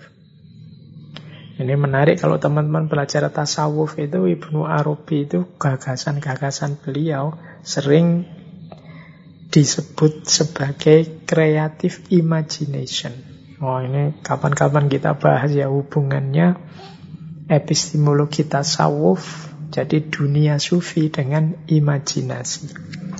Imajinasi ini kan terkenal sekali di ranah-ranah estetika, seni, sementara dunia tasawuf juga kaya dengan ekspresi-ekspresi estetik. Nah, berpikir kritis pun memerlukan kemampuan imajinatif. Kemudian orang kritis itu eh orang kreatif itu melihat problem sebagai kesempatan. Kalau tadi mampu menikmati tantangan, ini ada masalah, tapi masalah itu dipandang sebagai kesempatan. Mengapa? Karena begitu ada masalah, ini kan berarti muncul kemungkinan lahir sesuatu yang baru, situasi yang baru, teori yang baru, gagasan yang baru, gaya hidup yang baru. Nah, ini kesempatan. Kalau tidak ada masalah, tidak ada kesulitan, itu ya flat saja jalannya, hidupnya datar saja. Tapi orang kreatif itu biasanya tidak nyaman, hanya hidup flat saja, datar saja. Mereka menyukai tantangan dan senang kalau ada masalah-masalah karena berarti itu kesempatan munculnya ide baru, gagasan baru, solusi baru, wawasan baru, bahkan gaya hidup yang baru. Nah, jadi teman-teman mulai sekarang bisa latihan hidupnya banyak masalah atau banyak problem, disyukuri saja berarti saatnya untuk bergerak, berubah, dan berkembang menuju yang lebih baik.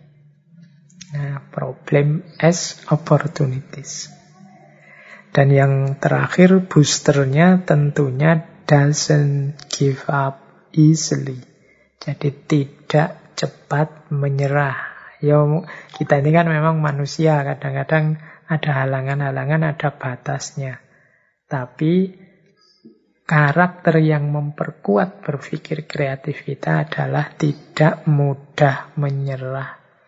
Kalau ada masalah, ya siap menyelesaikannya step by step, pelan-pelan, sabar. Kalau belum ketemu, ya dilanjutkan lagi, bila perlu diulang lagi dari awal sampai ketemu. Orang yang punya mental tidak mudah menyerah akan sangat mendukung kemampuannya berpikir kreatif. Jadi ada delapan booster, delapan booster itu delapan penguat untuk kita mampu berpikir kreatif. Yang pertama, rasa ingin tahu yang kuat. Yang kedua, senantiasa jeli menemukan masalah-masalah. Yang ketiga, menikmati tantangan. Yang keempat, optimis. Yang kelima, mampu dan mau menunda vonis, menunda penilaian kesimpulan. Yang keenam, imajinatif. Yang ketujuh, menganggap problem sebagai kesempatan. Dan yang kedelapan, tidak mudah menyerah. Terus kita lanjutkan. Ini mungkin slide yang terakhir yaitu kalau ada booster ada blocker. Blocker itu ini yang menghalangi kita untuk jadi kreatif. Ada beberapa sikap. Yang pertama, sikap oh no, a problem. Sikap orang yang takut dengan masalah atau menghindari masalah. Eh, kalau ada masalah terus stres, depresi, bahkan melarikan diri dari masalah. Ini akan jadi blocker. Jadi orang yang punya perilaku seperti ini ya susah untuk kreatif. Kreatif itu kan mencari ide baru, gagasan baru, alternatif baru dari masalah. Sementara dia enggan dengan masalah, menghindari masalah, bahkan lari dari masalah. Ini juga pasti tidak menyelesaikan masalah, bisa jadi malah nambah masalah. Jangan sampai problem oh no ini ada dalam diri kita. Yang kedua, problem it can be done. Ini problem mental yang pesimis. Jadi kita yakin bahwa wah itu kalau problem itu tidak ada solusinya sudah itu sudah problem sepanjang zamannya manusia itu. Tidak nah, kalau kita punya pandangan seperti ini ya pasti kita tidak mau lagi berpikir tentang hal itu. Jadi begitu kita simpulkan ini pasti tidak akan terselesaikan ini pasti tidak ada solusinya ya kita tidak akan menyelesaikan problem itu. Kemudian yang ketiga, mental juga yaitu I can do it. I, aku tidak bisa menyelesaikannya. Kalau ini tidak pada problemnya tapi pada dirinya. Mungkin ada solusinya tapi aku tidak bisa menyelesaikan. Aku tidak mampu. Ini juga jenis pesimis ketidakpercayaan diri. Kemudian, ini juga akan jadi blocker. Ada lagi, but I am not creative. Aku tidak kreatif. Aku itu tidak cerdas seperti kamu. Aku itu tidak cerdik seperti kamu. Aku tidak kreatif seperti kamu. Ini juga mental blocker membuat orang mandek berhenti. Seperti saya jelaskan tadi, manusia itu cukup otentik jadi dirinya. Kembangkan sedalam mungkin kapasitas kemampuan kita. Insya Allah segala masalah yang dia hadapi akan bisa dia selesaikan dengan kreativitas kemampuannya sendiri. Ini kalau dikorelasikan dengan firman Allah dalam Al-Quran itu kan la yukallifullahu nafsan illa wus'aha. Allah itu tidak akan menimpakan ujian, cobaan pada seseorang kecuali sejauh kemampuannya. Berarti kalau kita sedang menghadapi masalah dalam hidup kita, percayalah bahwa kita mampu menyelesaikan masalah itu. Wong itu berada dalam jangkauan kemampuan kita. Jadi tidak usah lagi kita lari dari masalah dengan mencari-cari alasan misalnya Wah itu sulit, nggak mungkin diselesaikan. Atau wah saya tidak mampu. Atau wah saya tidak kreatif. Pasti kita mampu.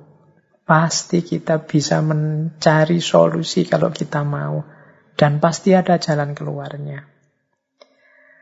Baik, kemudian yang selanjutnya yang jadi blocker juga adalah ketakutan kita terhadap pandangan orang, komentar orang, what will people think.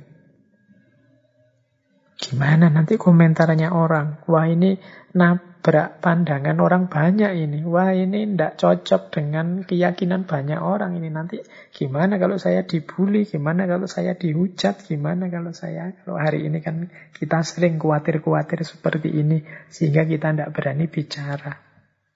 Ini juga akan jadi blocker. Menghalangi kita untuk kreatif. Jadi orang lain jadi pertimbangan besar. Gimana komentarnya orang nanti, gimana pendapatnya orang nanti, gimana kalau saya dicaci maki, gimana kalau saya dibully dan lain sebagainya. Ini juga akan jadi blocker yang membuat kita tidak berani berpikir kreatif. Yang terakhir, yang jadi blocker adalah sikap I might fail. Aku bisa gagal loh. Iya, tapi kan mungkin juga sukses. Daripada berpikir gagalnya, mari fokus pada suksesnya. Ya memang orang hidup itu bisa sukses, bisa gagal. Tapi kegagalan yang lahir setelah kita berjuang mati-matian akan melegakan dan memuaskan. Dibandingkan kita menyerah sebelum berjuang dan berusaha. Karena berjuang dan berusaha yang tidak kita lakukan, ya tidak mungkin ada perubahan dalam hidup kita. Ya mungkin saja kita sudah berjuang tapi gagal, tapi kegagalan setelah perjuangan itu kebanggaan dan kelegaan. Dibandingkan kita akhirnya hancur dalam kondisi tidak melakukan apa-apa. Dari situ biasanya yang muncul penyesalan demi penyesalan. Maka jangan sampai kita punya mental I might feel ini. Bahwa aku mungkin gagal. Iya, kalau mungkin gagal semua orang juga mungkin gagal. Tapi juga kan mungkin sukses. Daripada kita direm oleh mental pesimis mungkin gagal, mending kita ngegas lewat bahwa aku bisa saja berhasil. Seandainya toh gagal, kita sudah puas, lega, sudah melakukan yang seharusnya, sudah memperjuangkan yang seharusnya. Baik, teman-teman, Kelihatannya waktunya sudah sampai. Semoga malam hari ini kita mulai semangat lagi untuk berpikir, khususnya berpikir yang kreatif. Karena banyak keluhan-keluhan peradaban yang kita dengarkan hari ini, khususnya untuk negara kita, bangsa kita, peradaban kita yang timur yang sering kita keluhkan kita ini kok kalah ya kita ini kok mundur ya kita ini kok jumut beku ya kita ini kok tidak bisa maju ya. Di antara solusinya adalah kemampuan berpikir kreatif ini. Baik saya kira itu ya teman-teman. Ya memang belum sampai detail belum lengkap teori-teori, konsep, step-step, langkah-langkahnya, tapi semoga teman-teman sudah ngerti yang dimaksud dan melanjutkan berjuang, belajar. Seperti di awal tadi disebut ini sebenarnya sejenis keterampilan. Keterampilan itu tidak ada gunanya dihafalkan teorinya, yang lebih penting sering dilatih dan dipraktekkan. Sampai nanti lanyah apa bahasa Indonesia-nya lanyah itu sampai lancar sehingga menjadi karakter kita. Jadi orang-orang yang kreatif. Orang-orang inilah nantinya yang akan menguasai peradaban. Baik saya kira itu teman-teman. Kurang lebihnya kalau ada yang tidak pas, tidak sesuai dengan situasi, kondisi teman-teman semua mohon dimaklumi dan dimaafkan saya akhiri sekian. Wallahul muwafiq. Wallahu a'lam bisawab. Wassalamualaikum warahmatullahi wabarakatuh.